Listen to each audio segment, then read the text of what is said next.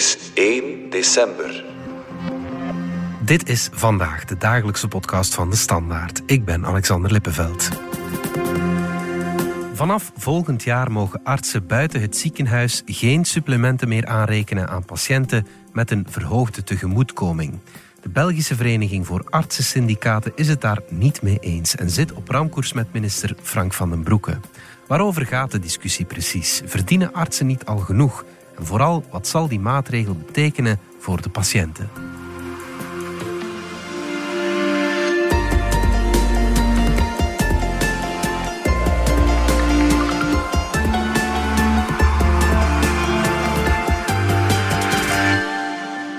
Simon Andries van onze politieke redactie, minister eh, van Volksgezondheid en Sociale Zaken, Frank van den Broeke, wil vanaf het begin van het nieuwe jaar een maatregel invoeren die op uh, ja, toch wel heel wat weerstand stuit bij de artsen. Wat, uh, waar gaat het over? Ja, nogal uh, gevoelig inderdaad. Een nieuwe wet waar Van den Broeke nu al eigenlijk... is die wet zelfs al vorig jaar al gestemd geweest. Ja. Maar wat wil hij nu precies doen? Hij wil dus de artsen verbieden om nog supplementen aan te rekenen bij patiënten met een verhoogde tegemoetkoming. Uh, dat is dan wel buiten het ziekenhuis. Maar om dat een beetje concreter al direct te maken, voilà. want ik denk dat veel mensen daarbij al wat... Ja, sterretjes zien. Ja. zeg maar. maar eigenlijk is ja. het op zich wel redelijk simpel. Het gaat erover dat artsen buiten het ziekenhuis, dus als je gewoon naar een, een tandarts gaat of... Ja. Uh, er is nog wel een oogarts die buiten het ziekenhuis werkt, dat die geen toeslagen of extraatjes meer kan vragen aan u mm -hmm. uh, dan bovenop de officiële overheidstarieven. Maar dan gaat het dus echt enkel en alleen over de financieel zwakkere patiënten. Mm -hmm. Voor de andere patiënten zal dat nog altijd lukken. Maar voor die financieel zwakkere patiënten, die wil Van den Broeke dus ontzien. Ja. En daar gaan die artsen dus eigenlijk geen extra's meer aan kunnen vragen. Ja, oké. Okay. Ik heb uh, twee vragen om te beginnen. Die extra's, wat houdt dat juist in? Waarvoor moet je die supplementen betalen? Ja. Dat kan eigenlijk voor van alles zijn, maar dus het gaat er eigenlijk over dat je gewoon je bedrag dat je betaalt, ik denk nu bijvoorbeeld aan de tandarts, uh -huh. Voor een gewone consultatie is bijna, als je gewoon een jaarlijkse controle doet bij een tandarts, dan is dat gewoon, het merendeel daarvan zal terugbetaald worden door de ziekteverzekering, ja, ja. door de Belgische gezondheidszorg. Ja. Dus daar is er weinig een probleem. Maar er zijn ook artsen die ervoor kiezen om de officiële overheidstarieven niet te volgen. Ja. En van zodra dat ze dat beslissen, dat is dat ze die overheidstarieven niet volgen, dan kunnen die eigenlijk vragen aan u als patiënt wat dat ze willen. Ja, ja. En dan ga je nog altijd dat stukje terugkrijgen van de Belgische gezondheidszorg als de gewone tarieven, maar al het, de extra's daarboven, ja. die betalen eigenlijk los gewoon aan de arts. Uit dus, eigen zak. Ja, uit eigen zak, ja. En dat is wel het grote verschil. En dat kan soms, daar valt geen pijl op te trekken. De ene arts kan veel meer vragen dan de andere. Mm -hmm. En veel patiënten zijn daar eigenlijk ook niet van op de hoogte dat dat gebeurt. Er zijn een aantal beroepsgroepen die altijd terugkeren, zoals tandartsen, en dus die steeds meer extra's vragen. Ja. Maar ook veel specialisten. Ik denk, ik heb dat nu heel persoonlijk zelf altijd wat uh, onrechtvaardig gevonden tussen man en vrouw. Maar gynaecologen zijn ook een van de beroepsgroepen die uh, vaak deconventioneerd zijn en dus ook iets extra's vragen. Uh, oogartsen, radiologen, dermatologen. Mm -hmm. Dat zijn zo'n beetje de beroepsgroepen die toch iets extra vragen. Er zijn alle soorten redenen voor. Daar gaan we straks op door. De andere vraag die ik bij je uitleg had is wie valt er onder die verhoogde tegemoetkoming? Dat zijn redelijk veel mensen. Hè? Ja, absoluut. En daar gaat de discussie nu eigenlijk ook echt wel over. Omdat die verhoogde tegemoetkoming, of dan die. Ik vind het iets gemakkelijker om te spreken over financieel zwakkere patiënten. Dus mensen die het financieel iets moeilijker hebben. Maar vandaag, en dat is toch wel een strafcijfer, vallen 2,2 miljoen Belgen onder dat statuut. Uh, dat veel, gemakkelijker, ja, ja. dus 1 op 5 van de Belgen die uh, onder dat statuut valt vandaag de dag. Ja. Dus dat gaat over een hele grote groep mensen. En specifiek voor uh, gezondheidszorg dan is daar echt wel het idee van we willen absoluut vermijden dat die mensen niet meer naar de dokter gaan omdat te veel geld kost. Dus mm -hmm. als wij ervoor zorgen dat die wat gespaard worden van die extra's, dan blijven ze toch nog altijd naar de tandarts gaan of naar de huisarts. Of, Laten we nu eerlijk zijn, Simon stel dat een arts bij één op vijf patiënten dat supplement niet meer kan vragen, dat zal uiteraard wat minder inkomen zijn, maar het is nu toch niet dat die een laag loon hebben. Is dat dan niet belangrijk voor een arts om, om daar een beetje flexibel in te zijn, als je zo denkt aan die eet die ze zweren en van die dingen? Ja, dat is inderdaad de eerste reflectie natuurlijk van uh, ja, waarom zou een arts nu willen meer vragen aan financieel zwakkere patiënten? Ja, dat is een heel, heel logische vraag. En er zijn een aantal antwoorden op. De ene daarvan is dat de artsen, of BVAS dan toch, die, eh, de grootste artsenvakbond, die twijfelt er eigenlijk echt wel, en die spreekt dat ook uh, openlijk uit, of dat die 1 op 5 Belgen wel echt financieel zwak zijn. Oh ja. Zij mikken dan hun pijlen op de zogezegd arme gepensioneerden, want dat wordt vastgesteld op basis van het inkomen. Maar bijvoorbeeld veel gepensioneerden hebben een laag pensioen, Oh ja. maar hebben intussen wel een buitenverblijf of, uh, of hebben ergens al een groepsverzekering of uh, een pensioensparen is al uitbetaald. Mhm. Dus die zijn misschien trouwens, dat wordt dan ook aangehaald, een aantal gepensioneerde artsen bijvoorbeeld, Ah ja. vallen soms ook onder dat statuut, omdat die zelfstandig altijd geweest zijn. Die Ja, hebben ook een laag pensioen, die hebben zich misschien ook zichzelf weinig uitgekeerd, keren zichzelf een laag loon uit. En van zodra dat je een laag loon hebt, val je al snel onder die beroeps of Ja. onder die groep. Ja, want het is niet dat er 2,2 miljoen Belgen onder de armoedegrens bijvoorbeeld eh, vallen. Hè. Dat, dat is zo'n ja, vast Wel, dat op dit moment niet, maar het sluit wel heel dicht aan bij het armoederisico. Dus Ja. dat klopt wel dat één of vijf mensen wel een armoederisico hebben. En dat is natuurlijk wel wat dat ook de overheid aanhad. We willen natuurlijk niet alleen mikken op die mensen die al in de armoede zitten, Mhm. maar ook op die mensen die dreigen in de armoede te verzeild te geraken. Want Mhm. je wil eigenlijk preventief te werk gaan. Dus ervoor zorgen dat ze, voordat ze de zorg niet meer kunnen betalen, dat ze toch nog geholpen worden. Mhm. En heel belangrijk is ook om wel direct het verhaal van Bevas toch een beetje te nuanceren over die zogezegd arme gepensioneerden. Want we zijn dan ook verder gaan kijken in de cijfers van wie zijn nu die patiënten eh, die financieel zwak staan. En dan zie je dat dat eigenlijk bij het aantal 65-plussers de laatste jaren stevig gedaald is. Mhm. Hij is stevig gedaald van, ik denk, 37% naar 26%. Terwijl dat bij de jongeren tot 24 jaar juist gestegen is op 10 jaar tijd van 8% naar 22%. Mhm. En om het nog iets straffer te maken, in steden als Brussel en Antwerpen loopt dat bij de jongeren op tot 40% van de jongeren die eigenlijk onder dat statuut vallen. En dat gaat dus over jongeren die met een leefloon zitten, jongeren die ja, net niet op eigen benen kunnen staan, Mhm. die eh, heel laag inkomen hebben, vaak ook werkloos zijn. Dus het probleem is wel degelijk groot. Die 1 op 5, daar valt veel over te zeggen, maar ik denk toch dat het iets is waar dat de overheid zeker nog naar moet kijken, ook om eh, Ja, ja, ja, die groep eh, absoluut. aan te pakken. Ja, ja, ja. BVAS trekt nu dus aan de alarmbel, die artsenvakbond. Wat is hun voornaamste zorg? Is dat echt de portefeuille van de artsen of gaat het om meer? Wel, dat is natuurlijk nu het, eh, het heel gevoelige aan de discussie. In het algemeen denk ik de meeste mensen ook wel zullen zeggen van artsen mogen goed verdienen. Alleen gaat de hele discussie er nu over van kunnen we de gezondheidszorg zoals dat we die vandaag hebben in België, kunnen we die behouden? Is Ja. ons, hebben we daar geld genoeg voor om dat te doen? En dan kom je op een punt dat BVAS daar wel vreest, dat de Van den Broeke net iets te veel aan het morrelen is aan hun tarieven. Ja, want die betaalbare zorg voor iedereen, daar kunnen artsen nu toch niet tegen zijn. Nee, nee, absoluut niet. En iedereen is ook, denk ik, wel heel tevreden met het systeem waarmee dat we nu eh, werken. Alleen is er gewoon een groot, groot verschil tussen de manier waarop de grootste artsenvakbond, dus BEVAS, kijkt naar de oplossing voor dat probleem van eh, geldtekort in de zorg en om het op termijn betaalbaar te houden. En de manier waarop dat Van den Broeke ernaar kijkt. Mhm. BEVAS haalt dan altijd aan dat ze eh, er vooral voor willen zorgen dat ze de meest up-to-date zorg kunnen blijven geven aan de patiënt met de beste machines, onze beste gezondheidszorg, dat we niet achterop geraken met de rest van de wereld. En dan zeggen ze, ja, dat komt natuurlijk met een prijs. En die prijs moeten we wel ergens kunnen doorrekenen. En voor die artsenvakbond kan dat gerust een beetje doorgerekend worden aan de patiënt, aan de, de Vlaming die het niet zo slecht heeft en die dat dan misschien wel kan betalen.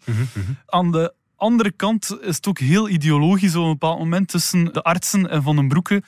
Namelijk dat historisch gezien de artsen altijd een heel... Dat is een vrij beroep. Ja. En dat zij ook gewoon heel simpel zeggen van... Sorry, maar de overheid heeft zich niet te moeien met eh, welke prijzen dat wij vragen. Dus niemand moet bepalen wat dat wij eh, mogen aanrekenen. En dat is wel exact wat dat Van den Broeke dan met dat verbod op die supplementen voor financieel zwakkere patiënten wel doet. Hij legt daar eigenlijk ook op aan degenen die niet de overheidstarieven willen volgen. Ja, sorry, je gaat het toch moeten doen voor die groep van de patiënten. En dat is wel een hele grote omwenteling in onze gezondheidszorg, waar dat de artsen eh, een soort van eh, bres in de muur zien. Van als we dit nu gaan toelaten, ja, dan gaan ze straks zeggen dat we aan die patiënten ook niets meer mogen vragen en aan die patiënten ook niets. Ja. En meer zelfs, zij vrezen daar dat de Van den Broeke helemaal komaf wil maken met wat dat hij zelf de villa-geneeskunde noemt. Ik denk dat iedereen daar zich wel iets bij kan voorstellen. Dat veel artsen actief zijn in het ziekenhuis, specialisten dan, maar ook daarbuiten. Ja, ja. En in het ziekenhuis zijn ze vaak gebonden aan bepaalde tarieven. Maar buiten het ziekenhuis, ja, daar zijn ze helemaal vrij. En uh, daar vragen ze meestal een heel stuk meer. En het is net ook, uh, ze vrezen dat, uh, dat Van den Broeke daar eigenlijk helemaal komaf mee wil maken. En ze meer naar de ziekenhuizen drijven, waar de patiënten ook zekerder zijn van wat ze ja. moeten betalen. Straks gaan we nog kijken naar de oplossingen. Hè? Maar eerst de gevolgen, laat het ons zo zeggen, van wat er nu op tafel ligt. Je tekende een heel belangrijke getuigenis op in de krant, Simon, van een tandarts Ine Opzomer. Vertel eens, wat is haar uh, verhaal? Ja, het is eigenlijk begonnen met een, uh, heel verontrustende evolutie bij de tandartsen. En dat is namelijk dat de christelijke mutualiteit had gemeld dat ze steeds vaker nu zien dat de patiënten, of die financieel zwakkere patiënten, dat die gewoon geweigerd worden bij ja. de tandarts, omdat die zelf zeggen van ja, als wij aan jullie geen uh, extra's meer kunnen vragen, die supplementen niet meer kunnen vragen, dan zijn jullie voor ons ook niet meer interessant als publiek. Ja. Uh, want we kunnen veel minder verdienen op jullie. Dat is nu heel cru ja.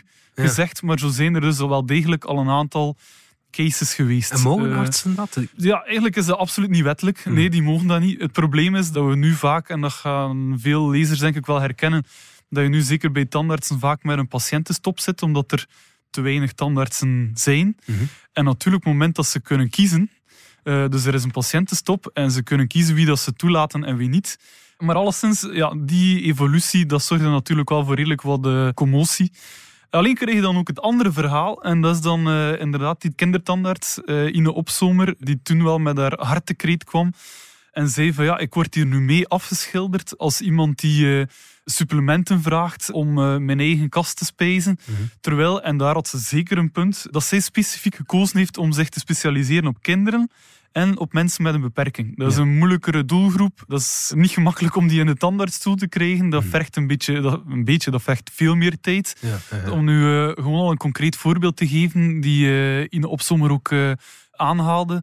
Maar bijvoorbeeld om zo'n mensen met, met een beperking al gewoon voordat je kunt starten aan de behandeling, zegt ze dat ze soms drie weken neemt om iedere week één uurtje tijd te nemen om bijvoorbeeld al die patiënt van de auto naar de wachtzaal te krijgen. Okay, om die ja. gerust te stellen. Om dan in de volgende week van de wachtzaal naar de tandartsstoel. Om dan de week daarna nog een keer die tandartsstoel al een keer naar boven en naar beneden te doen. Ja, ja, um, om dan na die drie weken eindelijk te kunnen beginnen aan de behandeling zelf. Ja, dat zijn natuurlijk allemaal stappen waarvoor dat ze nooit voor vergoed is en waar dat er ook niet echt officiële tarieven voor zijn. Ja, nee, uh, maar ja, het vraagt natuurlijk wel tijd. Ja. En zegt ze, ja, om dat te compenseren, omdat ik daar veel meer tijd aan steek, tijd dat je niet aan andere patiënten kunt uh, spenderen, vraag ik wel supplementen, anders kom ik gewoon niet meer uit de kosten. Ja. En mag ik mijn praktijk sluiten en moet ik eigenlijk zeggen aan die mensen met een beperking, ja, sorry, ik moet meer gewone patiënten ontvangen, want uh, anders verdien ik niet genoeg geld. Ja, dat wil je ook niet. Dat, dat en dat is natuurlijk, ja, dat is ja. een van die perverse effecten dat je natuurlijk absoluut niet wil. Uh -huh.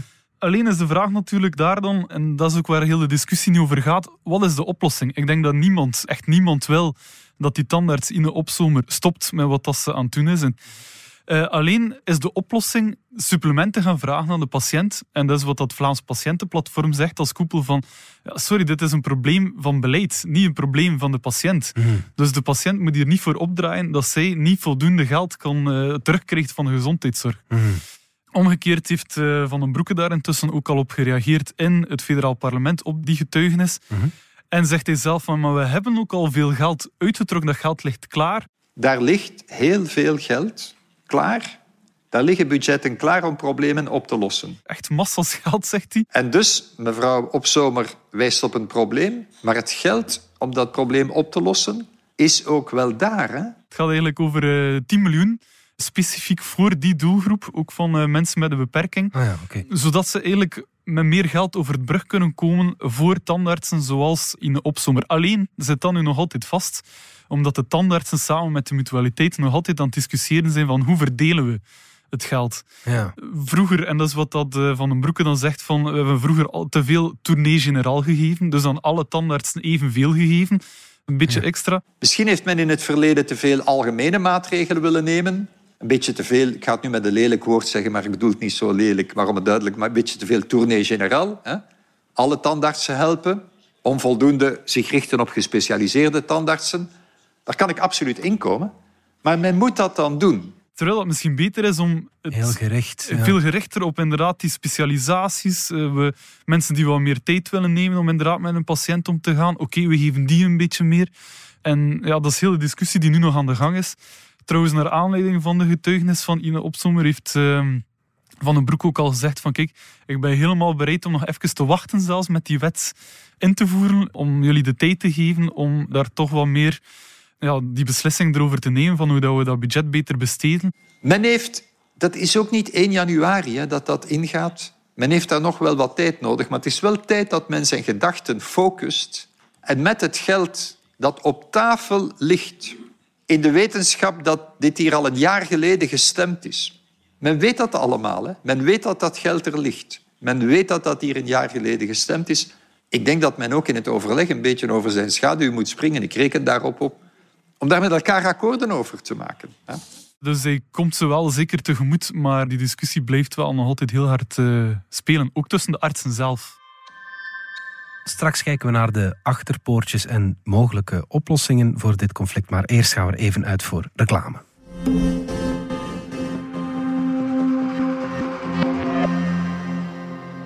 Feit of fabel? Kan Netflix je geaardheid voorspellen? Ook wanneer je het zelf nog niet weet.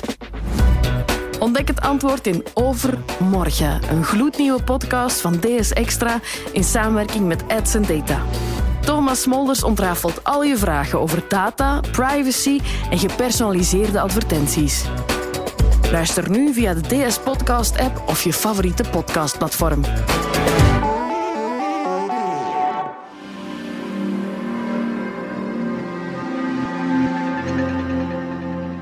Simon, terug naar jou dan. Ja, artsen zijn natuurlijk slimme mensen. Ze zijn ook creatief in het vinden van eh, ja, manieren om toch nog supplementen aan te rekenen. Hè?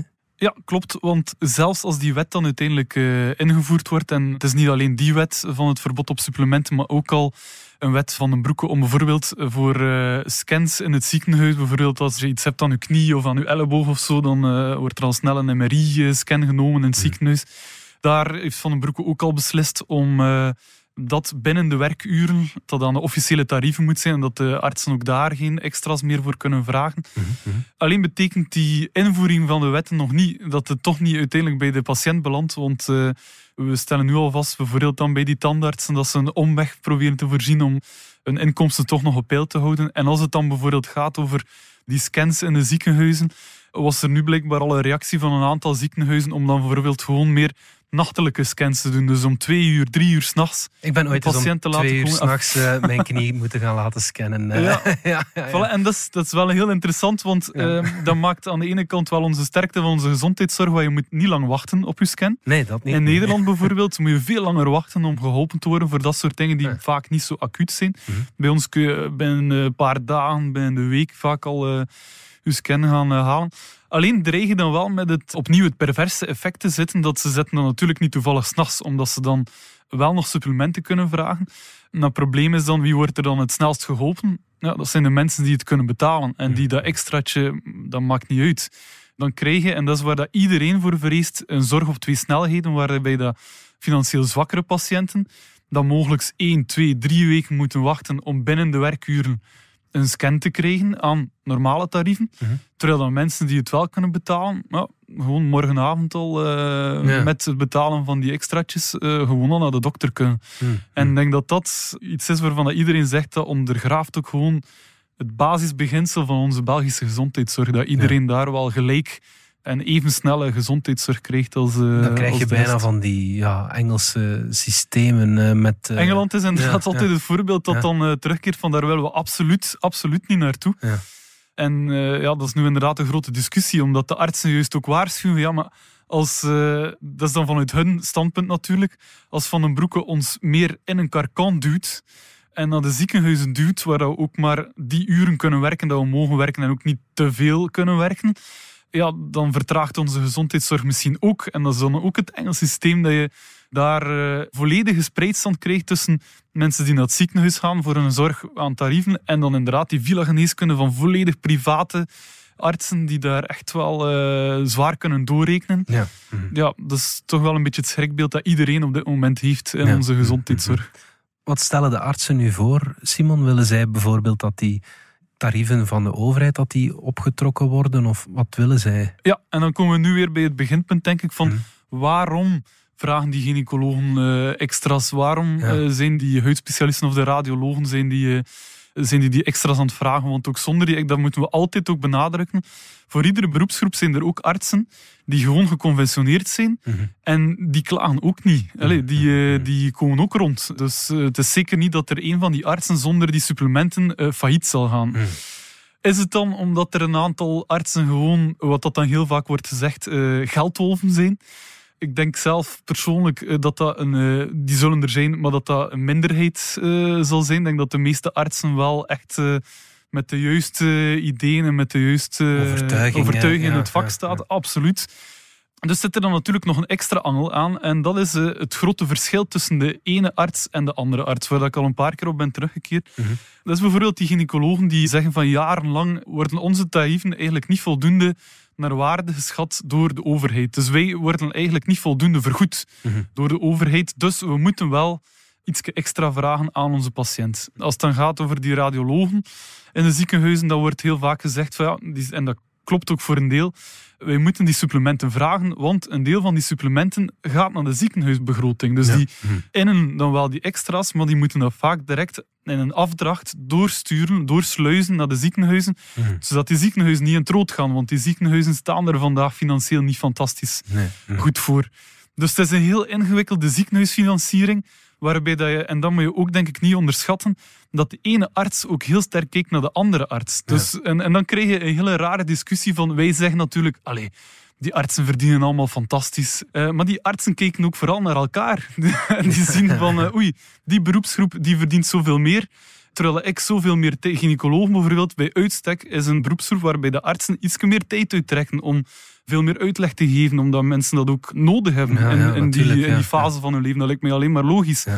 Maar die tijd wordt niet in rekening gebracht. En dan zeggen ze, oké, dan brengen we het zelf maar in rekening. En heel de discussie is nu bezig bij de overheid ook om die artsenlonen eh, meer gelijk te trekken. En het is ook ten opzichte van die achtergrond dat er heel veel nervositeit is bij de artsen, want de ene zal misschien wel moeten inleveren, de andere zal misschien wel meer gaan verdienen. Mhm. Maar ja, het is altijd, denk ik, overal is hetzelfde bij iedere beroepsgroep. Als je dreigt om iets te moeten afgeven of iets te verliezen, ja, dan krijg je alle soorten uh, vreemde reacties. Zo gaat dus, dat uh, bij iedereen natuurlijk. Uh, ja. Tot slot, Simon, de verkiezingen zijn nog een goed half jaar van ons verwijderd. Denk je dat in die tijd de artsen en minister Van den Broeke er nog gaan uitgeraken? Wel, dat sowieso niet, uh, want dat heeft Van den Broeke zelf ook al aangegeven. Dus hij zit uh, eerst die discussie over de artsenlonen bijvoorbeeld en over de grotere ziekenhuishervorming is nog op volle gang. Alleen heeft hij zelf al aangegeven dat dat voor de verkiezingen had hij dat ook niet meer uh, helemaal rondkrijgen.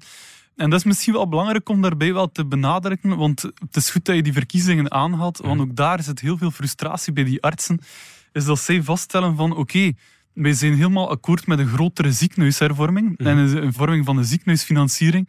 Maar alleen valt het toch wel heel hard op dat Van den Broeke toch vooral eerst die maatregelen doorvoert die goed zijn voor de patiënt en waarmee dat die ook scoort bij de patiënt. Ja.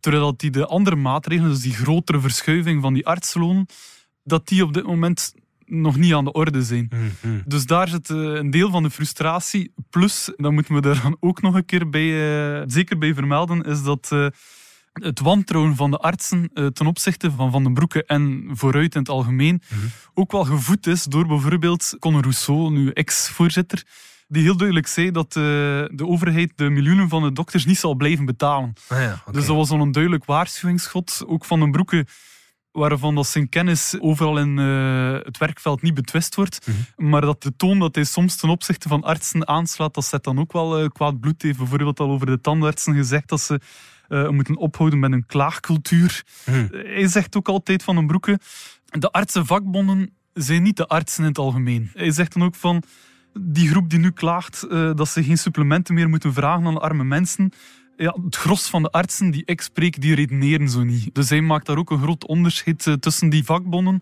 en de rest van de artsen. Alleen moet hij het wel met die artsenvakbonden straks gaan oplossen. Ja, Eh, dus dat ja, maakt het ja. natuurlijk wel iets moeilijker. Ja, oké, goed. eh, Ik denk dat je nog niet van eh, dat dossier af bent, eh, Simon. Eh, nee, absoluut niet. Eh, Dus Dank Dit was vandaag de dagelijkse podcast van de Standaard. Bedankt voor het luisteren. Volg ons op Spotify, Apple Podcast of eender welk ander podcastplatform. Of download de vernieuwde app DS Podcast, waar je ons werk en de beste luistertips van onze redactie terugvindt.